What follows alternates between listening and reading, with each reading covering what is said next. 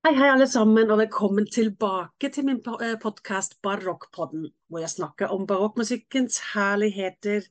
Og i dag skal vi igjen snakke om Johan Sebastian Bach, som vi har snakket litt om før, men jeg kommer nok å vende tilbake til hans musikk mange, mange ganger.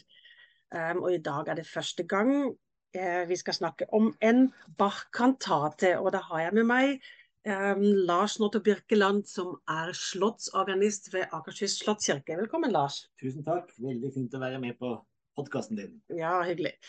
Um, ja, Lars og jeg, vi, har, vi, må kanskje presentere deg litt. Vi har samarbeidet i ganske mange år nå om um, konsertserien Bach i Slottskirken i Akershus slottskirke i Oslo, midt i Oslo sentrum.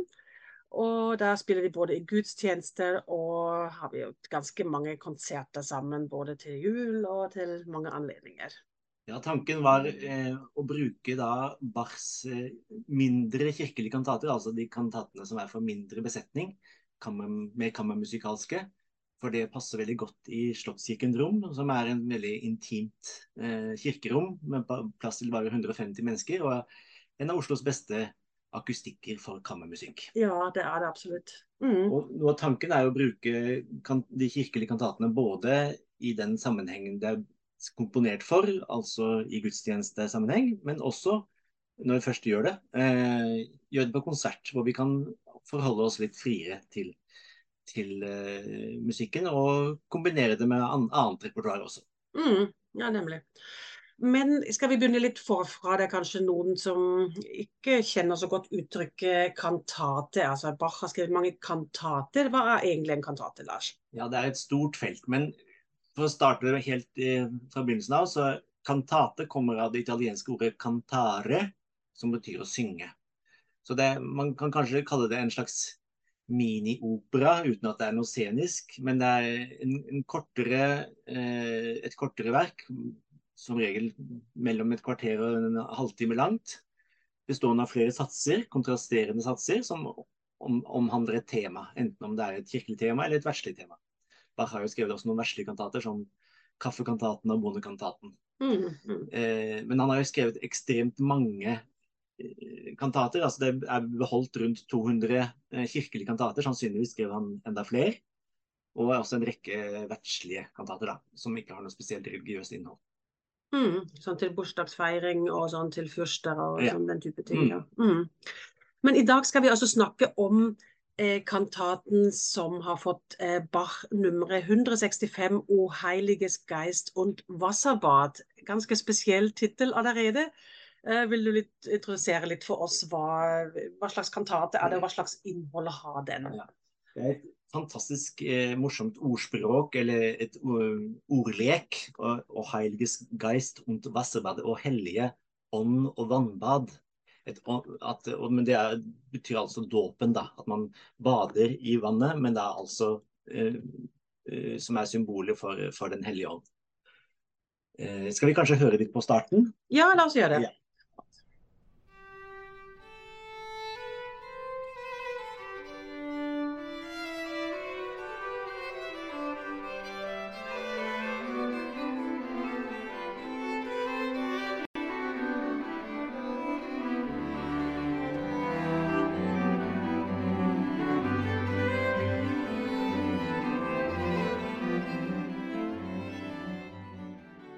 Ja, I hvilken by befinner vi oss her? Um, og vil du fortelle litt om, um, ja, om tema og litt om uh, tekstdikteren, kanskje? Ja.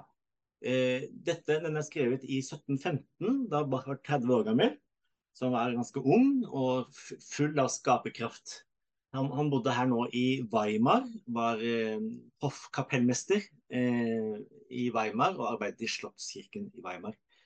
Så da passer det også godt at vi Apropos Slottskirke, ja, ikke sant? Ja. Mm. Det var en helt annen slottskirke. Altså det, det, finnes noen bilder av denne kirken på, Hvis man let, let, googler Slottskirke Weimar' eh, Den kirken er, ble, den brant opp, så den finnes ikke lenger. Men det er et veldig spesielt rom. Veldig høyt rom. Rektangulært rom, tror jeg. Eh, og øverst i taket er det en liten åpning hvor man ser et galleri. Og der oppe er det da et orgel, og der sto da sangerne og musikerne. Eh, de var sannsynligvis usynlige for, for de som satt nede. Så det var som om musikken kom fra himmelen. Ja, nemlig. Det er fantastisk. Ja, du viste meg bildet i stad. Veldig spennende, veldig spesielt. Altså. Ja. Mm. Um, teksten er skrevet av en, um, en som var hoffpoet, hoffdikter eh, i Weimar, samtidig med Bach, som het Salomon Frank. Eh, han ga ut en bok som heter 'Evangelischen Andachtsopfer'. Evangelisk andaktsoffer. Ja. Med, med en rekke kantatetekster skrevet for hver søndag i kirkeåret. Og det var noe av det Bach hadde som arbeid her, eh, var å skrive én ny kantate til hver ny søndag. Eh, og til sammen fra Bach sånn har man kanskje hele tre årganger av da kantater for hver søndag i kirkeåret. Og kirkeåret er jo syk, den kristne syklusen, eller den som man går gjennom med, med jul, påske, pinse, men også mange dager imellom, hvor hver søndag hadde sitt spesielle tema, sine spesielle bibeltekster. Mm. I påske er det flere, da, til, og i, i jula er det flere hellige dager. Og Ja da var det også Ja. til disse. Mm. Denne konkrete kantaten er skrevet for det som på Barstid tid het eh, Trinitatisfest. Eh, På norsk, eh, I norske kirke kaller vi den for treenighetssøndag, som er søndagen etter pinse. Og temaet handler da mye om altså Det er her hvor alle temaene etter, etter man har vært gjennom jul, person, påske, pinse, som på en måte handler om Jesu fødsel, handler om, om, om Jesu lidelse og død, og så Den hellige ånd i pinsen, så knyttes måte alle temaene sammen og måte oppsummerer eh, hele, hele troen, for å si det sånn. da. Mm. Eh, og, og da med, med, her med dåpen som et veldig sentralt eh, tema. Vi snakket eh, litt om Astrid og jeg at når man jobber med Bachs kantater, eh, så kan, kommer man ikke unna eh, det teologiske aspektet, for det er så ekstremt fundert og integrert i, i Bachs musikk. Så uansett hvor man selv står eh, som troende eller ikke, så, så kan man ikke la være å bli engasjert når man jobber med denne, dette stoffet her. Så man, man må på en måte gå inn i det eh, med hele seg. Ja, absolutt. Det har altså klart at Bach var en religiøs person, og han var, eh, var absolutt det. Men jeg tror også ikke-troende Jeg tror mange blant Bachs eh, musikere og inter, interpreter er det veldig mange eh, som ikke er troende, men man allikevel må se den storheten her med den integriteten og den kunstferdigheten og, som dette er skrevet med. da. Mm. Det er ikke uten grunn at Bach kalles den femte evangelisten. Ja, ikke sant. Ja. Mm. Um, men han var altså da em, i Weimar. eh, men vi har altså Vi vet at denne kantaten er blitt eh, skrevet for Weimar, men den er blitt framført også i Leipzig, for da har vi notene. ikke sant? Ja. Vi har ikke et eh, originalmanuskriptet fra 1715, men vi vet at han satte den opp igjen ni år senere, i 1724, i, da han var blitt Thomas-kantor i Leipzig. Og det er det eneste manuskriptet vi har eh, av notene til Ja, denne kantaten. ikke av ham selv heller, men av en, av en annen. Men, ja, mm. Så det er klart, ved veldig mange av Bachs eh, verker så er det usikre kilder, og det, er, det kan hende at de, de ikke er helt akkurat sånn som Bach skrev det, men sannsynligvis i veldig, veldig stor grad. Ja, nemlig. Mm. Vi må snakke litt mer om um, forfatter, tekstforfatteren av den kantaten 165 her, altså Salomo Frank. Dette er en veldig sånn typisk barokk tekst Ja. Um, med, med et veldig bilderikt språk. Han valgte sikkert derfor også å skrive mange, em, mange kantater med ham som tekstforfatter. Eh, Ja, vi vet i hvert fall om 14 kantater av Bartmer med, hvor han brukte da Salmon Frank som, som librettist. mm, Eh, det er veldig fargerikt og blomstrende språk, typisk barokk. mm, Ganske krasse bilder. Mm. og kanskje kan det nesten virke støtende på oss moderne liberale mennesker. ja, mm, Ehm, og et, et tema som kommer veldig her, og han snakker mye om en slange her i denne kandidaten. mm, Og da må vi inn i eh, Bibelen og, og skjønne hvorfor eh, dette er et tema. Eh, bibelteksten til eh, denne søndagen på Bachs tid var eh, en, fra Johannesevangeliet tredje kapittel, hvor Jesus blir oppsøkt av en mann som het Nikodemus, som var fariseer, og som spør hvordan man kan komme inn i Guds rike. Hvor, Guds, hvor Jesus sier at man, den som ikke blir født av vann og ånd, kan ikke komme inn i Guds rike. Og altså, eh, det her får vi da tema med dåpen, som er da et symbol på gjenfødelse, og at man blir født på ny. Mm. Eh, og så kommer da dette rare bildet med slangen opp. Eh, han sier slik Moses løftet opp slangen i ørkenen, slik må menneskesønnen eh, bli løftet opp, for at hver den som tror på ham skal ha evig liv. Her refererer altså eh, Jesus til en tekst fra en fortelling fra Fjerde Mosebok, der israelsfolket nå har flyktet fra Egypt og skal til det lovede land i Israel. Men hvor folket blir utålmodige og sier ja, men kan vi ikke bare dra tilbake, det er så tøft å gå gjennom ørkenen. De gikk jo i 40 år. Eh, og da sendte da Gud, ifølge Fjerde Mosebok, inn slanger blant folket som bet dem, og mange døde. Og de ble fortvilet og sier hva skal vi gjøre? De spurte Moses hva skal vi gjøre. Moses ba til Gud, og så sa da Herren til ham, lag deg en slange av kobber og sett den på en stang. Og alle som blir bitt, skal se opp på den, og selv om de blir bitt, så skal de leve. Mm. Dette blir da et bilde på Kristus på korset, som er da denne, denne kobberslangen. Eh, og at alle som ser opp mot korset, skal få evig liv. Mm. Selv om de dør, så skal, skal de leve. Eller selv om de blir skadet. Så det er ganske spesielt. ja, som bruker, altså Slangen er jo en, et, et, forferdelig dyr, men at det er eh, kombinert med dåpen og sånn, at det er en eh, ja, ganske spesiell tekst, egentlig. Og, og, eh, et mer kjent bibelsk bilde av slangen er nettopp slangen i paradiset. Mm. Eh, som er jo den som fører til syndefallet, som fører til at, at uh, hele Det snakkes om Adamsarven, altså den arvesynden som ifølge da kristen teologi eh, at vi alle mennesker er født med, men som må måte renses ved, ved troen. Mm. Eh, og det er på en måte kjernen i, i denne kantaten, da. Mm.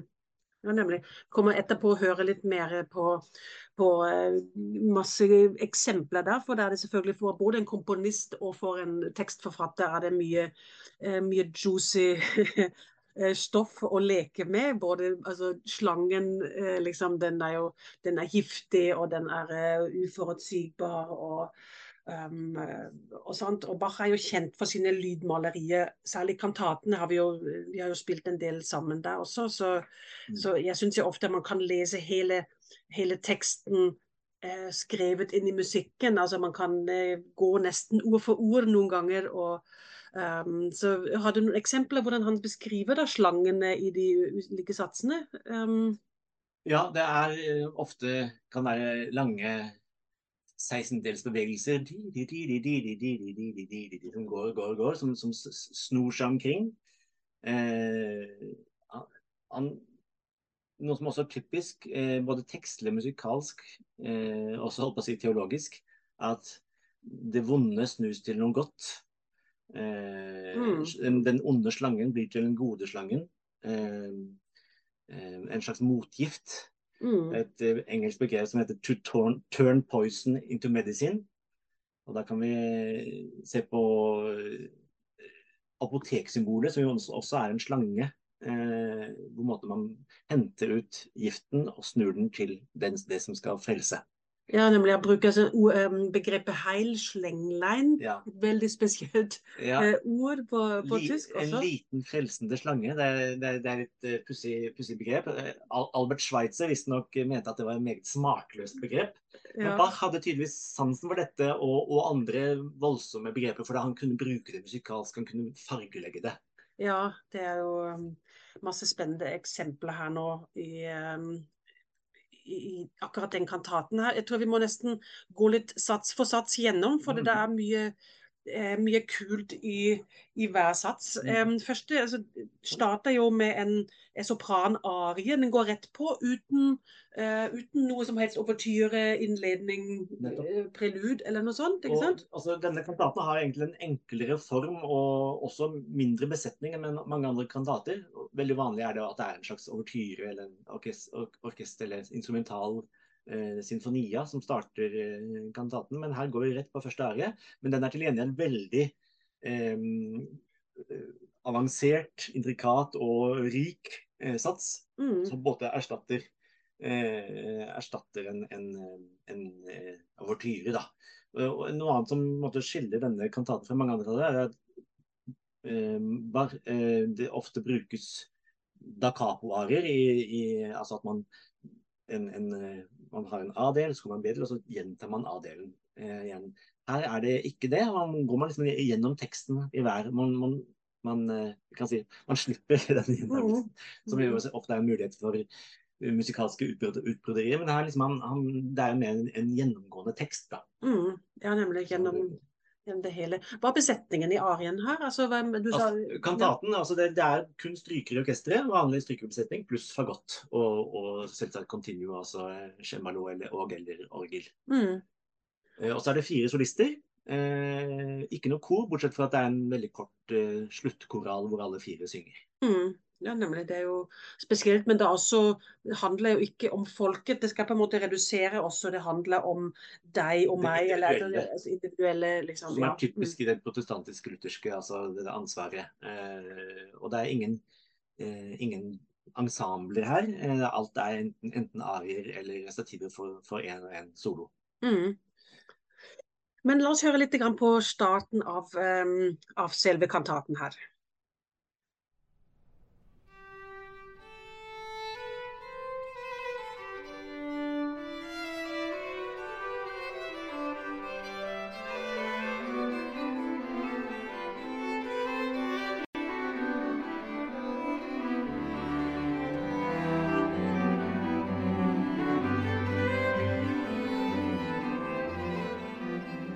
Er altså en, en fugert sats, en slags fuge, eh, som jo er eh, at eh, hvert instrument kommer med samme tema, en slags avansert kanon.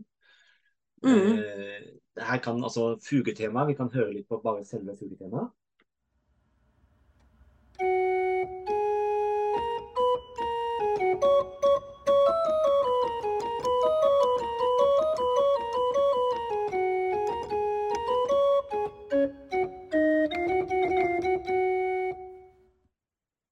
Det kan symbolisere vannstrømmen, eller, altså, eller kanskje man, det spruter litt vann her og der, at man dypper litt opp og ned. Eh, og særlig når da liksom alt kommer inn i en, en vev, da, så, så blir det nesten som at vannet omslutter en, at man virkelig bader, som, te- tekst, ja, som, som eh, tittelen sier. At man eh, bader i et ånd- og vannbad.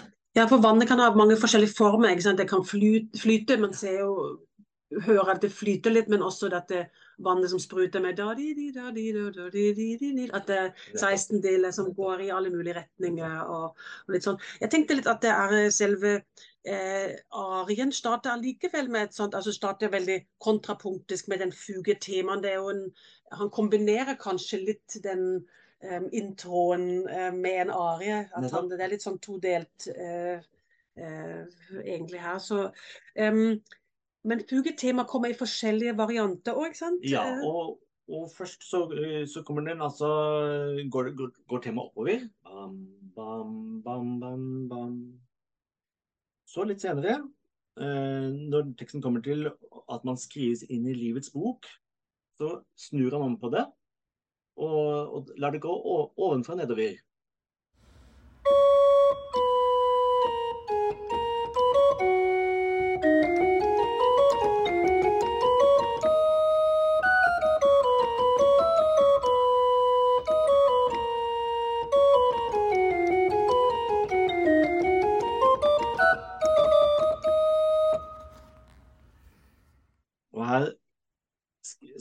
Er det også handler om livets bok, og på ordet livet, lebens, så er det en ekstremt lang melisme som også kanskje kan symbolisere det evige livet. da. At det er et langt, langt liv.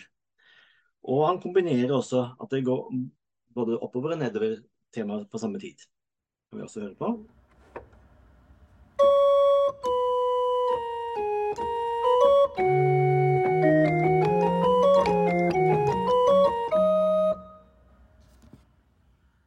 Ja, det Lars har spilt det nemlig inn, i kirken for oss her på orgelet. Det er jo derfor um, at jeg kan høre litt lettere tema sammenhengende sånn når vi spiller dem um, i uh, gudstjeneste eller i, i kantatene, så er det forskjellige stemmer som spiller det da. Så er det fioliner og um, ja, basso contino og, og også uh, sopranstemme.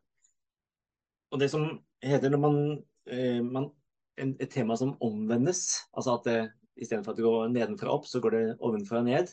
Det kan også være et symbol på den kristne omvendelsen gjennom dåpen. Mm, ja, nemlig.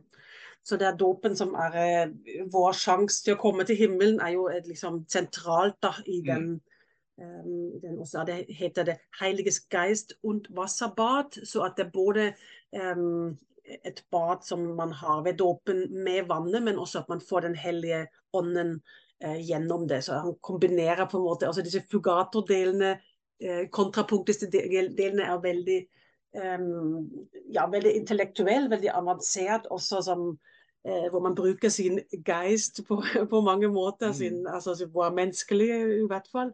Og så er det det Wasserbadet som er, eh, som er kanskje disse 16 deler og sånt. Og så er det eh, ja, La oss se litt på teksten her når, eh, når sopranen kommer inn. Skal se, se litt på, på først, ja. Hun synger altså også om, om å flot de alle missetat eh, er trenket. Altså om at vannet drukner alle våre misgjerninger. Mm. Det kan også måte, at, at, det er en så intrikat vev, er liksom at man bare, uh, gjennom ånd og vannbad så drukner mm. eh, alt det gale, alt, alle Eh, alt det vonde. Ja, nemlig. Og så oss neues Leben skjenket, og så gi oss det, det, nye livet som fornyer oss da, gjennom, gjennom et sånt um, ja, vannbad, eller ja, eh, Heiliges Geist und Wasserbad. Mm. Og musikken i denne satsen er veldig harmonisk. Den går i tonearten G-dur, som er en veldig eh, harmløs, eh, snill, eh, idyllisk, harmonisk, harmonisk ja. toneart. Mm. Som er er, eh, det er en sånn evig strøm av optimistisk musikk i denne satsen. Mm. Ja. Så kommer vi til den store kontrasten, som er det andre satsen, som er et eh, resitativ med bassen. Som, hvor vi går rett inn i det vonde, og der hvor plutselig så skifter eh, akkordene helt karakter. Vi får masse forminskede akkorder og tritonussprang eh, og en tekst som beskriver på en måte den fordømte Adamsarven, da, igjen dette hvor da slangen eh, fristet Eva. Mm. Eh, som måte at, teksten handler om at mennesket fra fødselen av er råttent, forurenset og infisert. Veldig voldsomme ord. Ja, dette er skikkelig barokk tekst her. Altså, sånn, sånn, det er eh, was, was vom Fleisch geboren es ist nichts als Fleisch und von Sünden angesteckt. Det er, vi må si det på norsk her, også det som er født av kjøtt, er kun kjøtt. og um, av syndesmitten stekket. Er det stekket? stekket ja. ja. Mm. Eh, forgiftet og beflekket. Ja. Så den, så vi, kan høre, vi kan høre litt på eh, denne akkordprogresjonen som ligger under starten av resitativet her. Ja.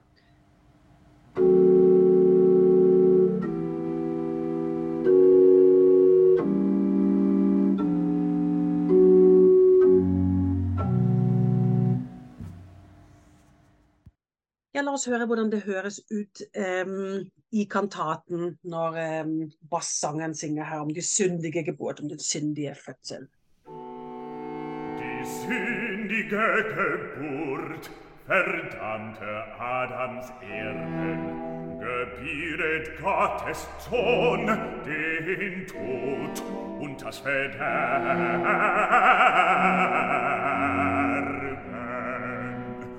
Denn was von Fleisch geboren ist, ist nichts als Fleisch von Sünde an.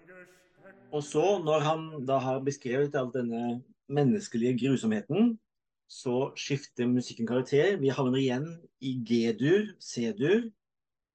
Musikken mykner. Hvor snakker om at eh, når man da er, eh, har hatt dette ånd- og vannbadet, eh, og hvor salig da er Guds barn. Eh, vi kan høre litt på det, det skiftet her. Jeg har spilt inn en liten snutt.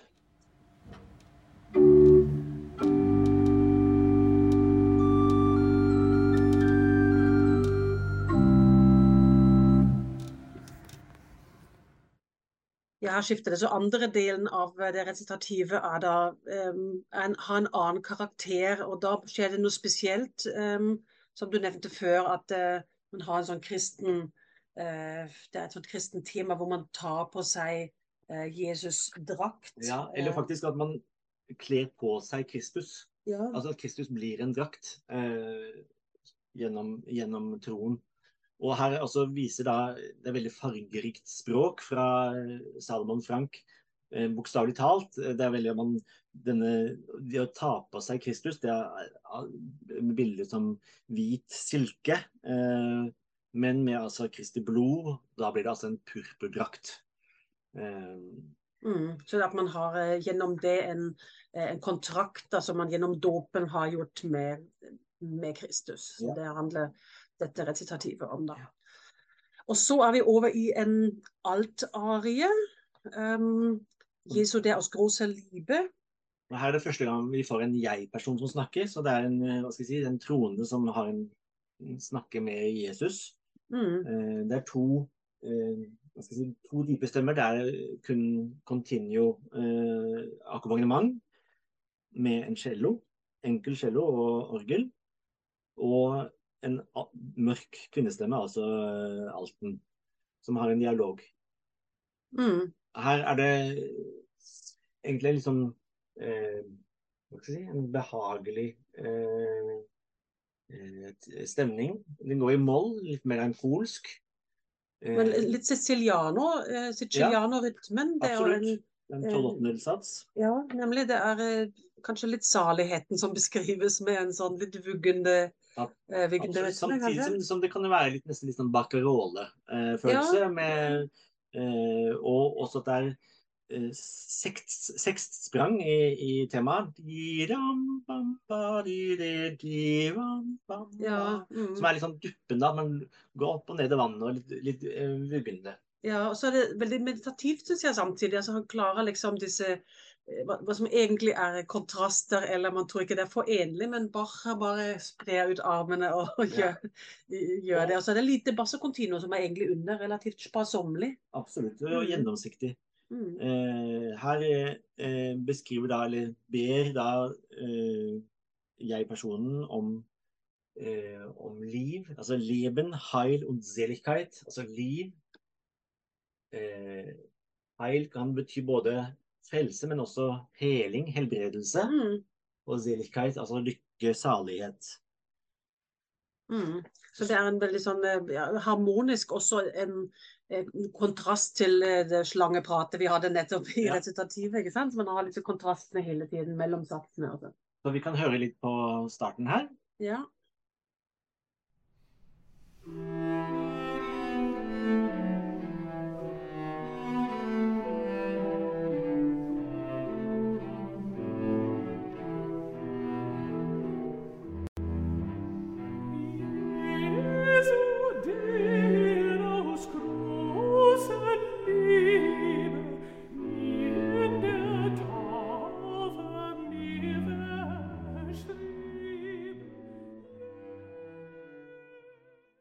så mot slutten av, eh, av denne arien så synger eh, solisten om på ordet glede, freud, freude, eller zu freuen. Eh, hjelp meg at jeg kan glede meg over disse, denne nådegaven. Så eh, har hun en eh, opp, opp, stigende ornamentert linje, som vi kan høre her.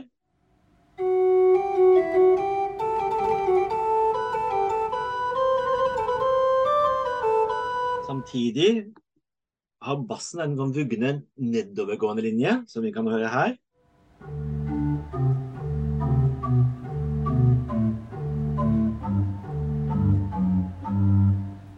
Og når disse kommer sammen, så blir det både at gleden går oppover, samtidig som bassen dypper oss ned i vannet. Vi kan si det. Vi kan høre det sammen. ja.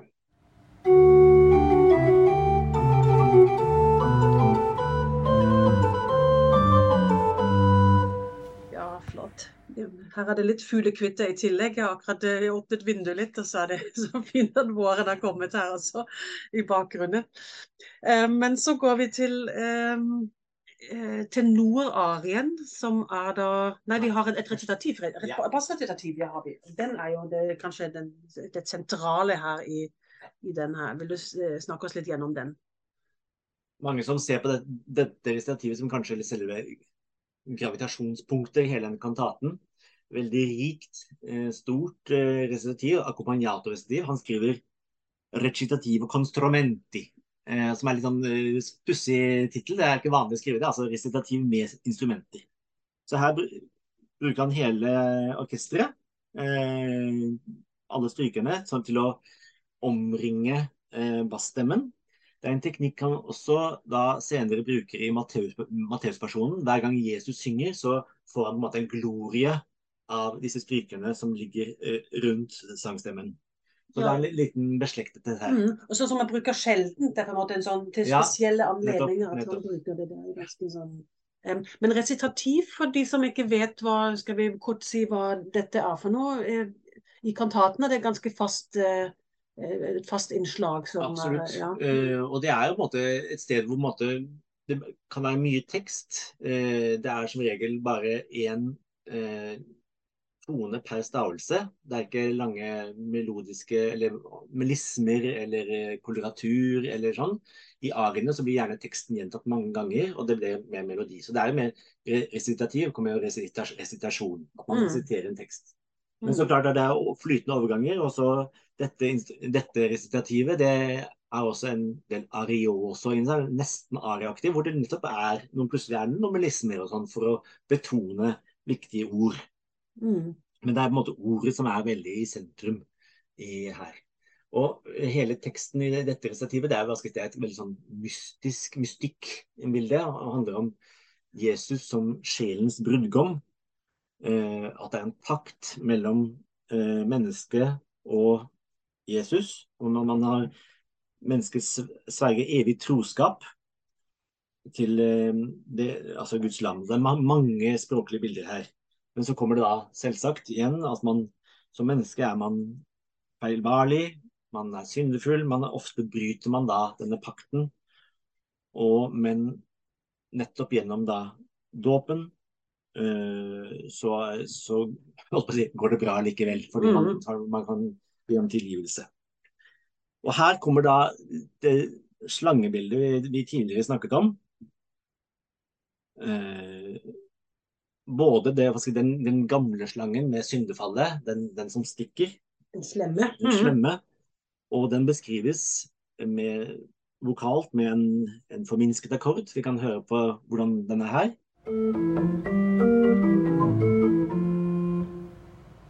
Hvor syndegiften forderver eh, kropp og sjel. Og så er det da at man skal se opp på den andre slangen, som er nettopp frelseren, Kristus på korset. Og det er da igjen en snillere, går mot G-dur, eh, tonart. Vi kan høre på den.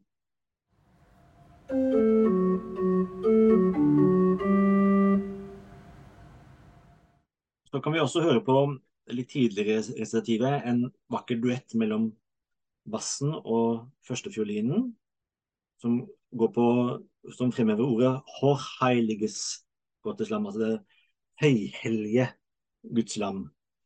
Mot slutten av det her så får man det omslaget til at man innser sin egen, eh, sine egne begrensninger, sine egne synder, at man ofte har brutt denne pakten. Så hører man det inne lille omslaget der. Ja, la oss høre på det.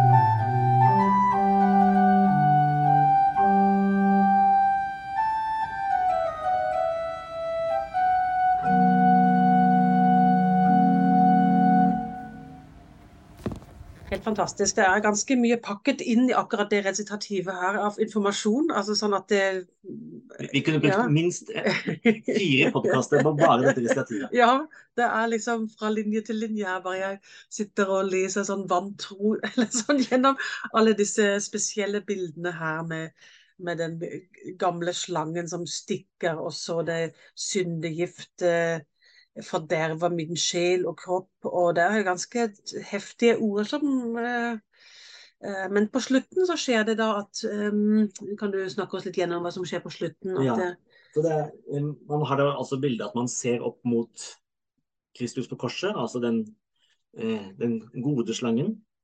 Og det stiller alle smerter og trøster meg, kvikker meg opp, eller hva skal jeg si ja, fornyer Fornyer meg. meg. eh, Wenn alle kraft vergehet. Når alle krefter blir borte, altså kan man også være et bilde på døden. Mm. Og det Bach gjør her veldig spesielt, eh, som jeg sjelden sett han skriver at de siste to taktene her, hvor under ordet 'alle kraft vergehet', så står det 'senza accompagnato', altså da skal orgelet ikke spille. Vi kan ikke legge til noe ekstra akkorder eller improvisere noe. Mens eh, strykerne har en vakker fade-out-melodi. Og til slutt så er det bare en siste basstone. Helt til slutt. Det er som om liksom eh, siste utpustet. Mm. Eh, siste åndedrag. Mm. Vi kan høre på det. Ja.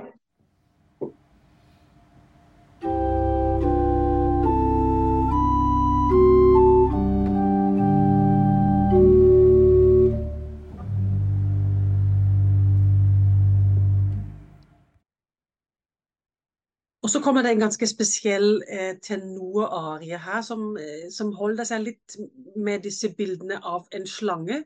Det er sånn pussig at vi liksom snakker i en podkast så mye om slange. Jeg som syns det er så ekkelt med slanger. Men eh, la oss høre litt grann, eh, på, på den tenorarien på starten av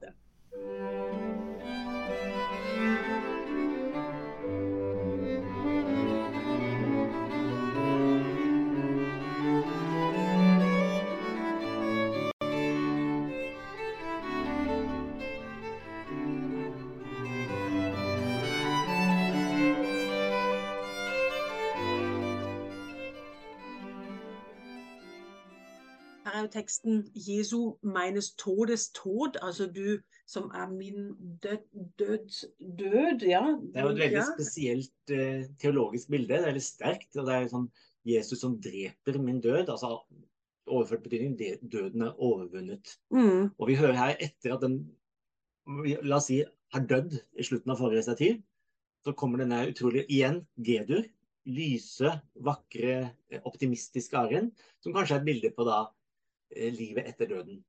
mm, Igjen så får vi da, som du sier, eh, slangebildet. Eh, Heilslenglein, den lille frelsende slangen, eh, inn her. Og man hører også på fiolininnledningen. Eh, og det går et evig langt, eh, snirklete eh, 16-delsmotiv.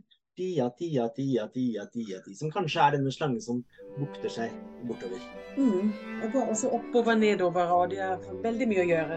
Veldig mye spiller hele tiden. Men Heil Slenglein her, da kommer den apoteken inn i bildet, som du har snakket om før. Det er et sånt eh, altså Man visste da den gang, eller sikkert tidligere også, at det fantes et motgift for slangens stikk. At det fantes, og da er det bildet nå at Jesus skal være dette Han har den her, det, dette motgiftet mot alt det slemme. Nettopp. Ja. Uh, og, og det er veldig, som jeg sa, eh, veldig lys musikk. Samtidig så den, det er egentlig ganske beslektet med åpningssangen. Man kan nesten spille de to oppå hverandre, og det vil nesten passe. ja. Det kan også minne om uh, musikken til uh, Jesus bleibt meine Freude, et av Bachs kjente stykker. Og så videre. Mm. Um, Ja, den samme stemningen, så liksom. det, dette, liksom, dette er jo den siste store musikkstykket før den korte avsluttende koralen. Så det, det, det skaper en veldig fin helhet med åpningsarien inn til denne eh, tenorarien her, da. Mm. Og så er det bare en, altså som i Bachs maner, eh, avslutter det da med en, eh, en koral eh, som oppsummerer det hele. Og en koral er jo en salme, så en måte det, det var det gjerne menigheten med og sang. Vi har jo salmer eh, som veldig sentralt element stadig i våre gudstjenester. Eh, og det var gjerne melodier som folk kjente igjen. Eh, det finnes stadig en god del av de koralene Bach bruker, som vi også bruker i Norske kirker stadig. Og denne koralen er veldig kort, eh, samtidig den er ekstremt innholdsrik tekstlig. Eh, den oppsummerer på en måte som en buljongterning hele denne kantaten, og egentlig hele det sentrale i den kristne troen, som handler om ordet, dåpen, nattverden, og at, eh, eh, at, at gjennom dåpen så får vi vern mot alt det onde, og Den hellige ånd lar seg trille. Mm. Samtidig er den utrolig kort og beskjeden. Eh, uten beskjeden sats, uten noe ekstra ornamenter eller sånn. Bare helt hva skal jeg si, veldig luthersk, veldig protestantisk, veldig sånn øh, destillert Ja, nemlig. eh, liten sats. Ja, for deres indre øye kan dere se for dere den eh, både Weimar slottskirken, hvor eh, det var kanskje ikke så mange plasser der, men vi vet jo at den ble spilt i Leipzig, i, i uh, Thomaskirken også, og da at eh, menigheten sang med, og den gang var jo kirken stappfullt med alt av uh, som kunne krype og gå, hunder i kirken og alt mulig, og da sang man med, så det måtte ha vært en fantastisk koral. Det var vel en, nærmest en plikt å gå til gudstjeneste, var det ikke det? Ja, det Ja. var ikke ja, ja. ja. En apropos plikt, så, så er det et ord som også kommer i kantaten her. Det er lebensplikt, Altså en plikt til å leve.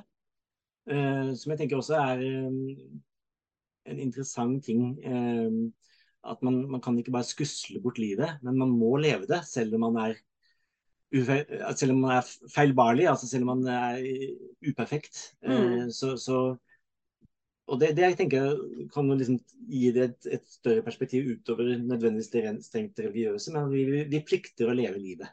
Mm. Synes jeg er en fin, fin ting å tenke. Ja, men det var en, en fin avslutning. Um, før vi hører uh, den siste koralen her nå, så tenker jeg at um, tenkte jeg skal minne dere om at uh, vi har også laget en spilleliste til den podkasten, og da kan dere høre hele kantaten også i strekk etter hverandre. Um, for det kan fint, være fint å sette seg ned og um, ja, kanskje finne fram teksten for de som har lyst til det, og, og lytte dere helt gjennom etter det. Eh, Men da sier jeg takk, eh, Lars Natter, for en veldig interessant og lærerik og spennende samtale. Tusen takk, veldig gøy å være med på dette. Ja. Så håper jeg at vi høres snart. Ha det bra.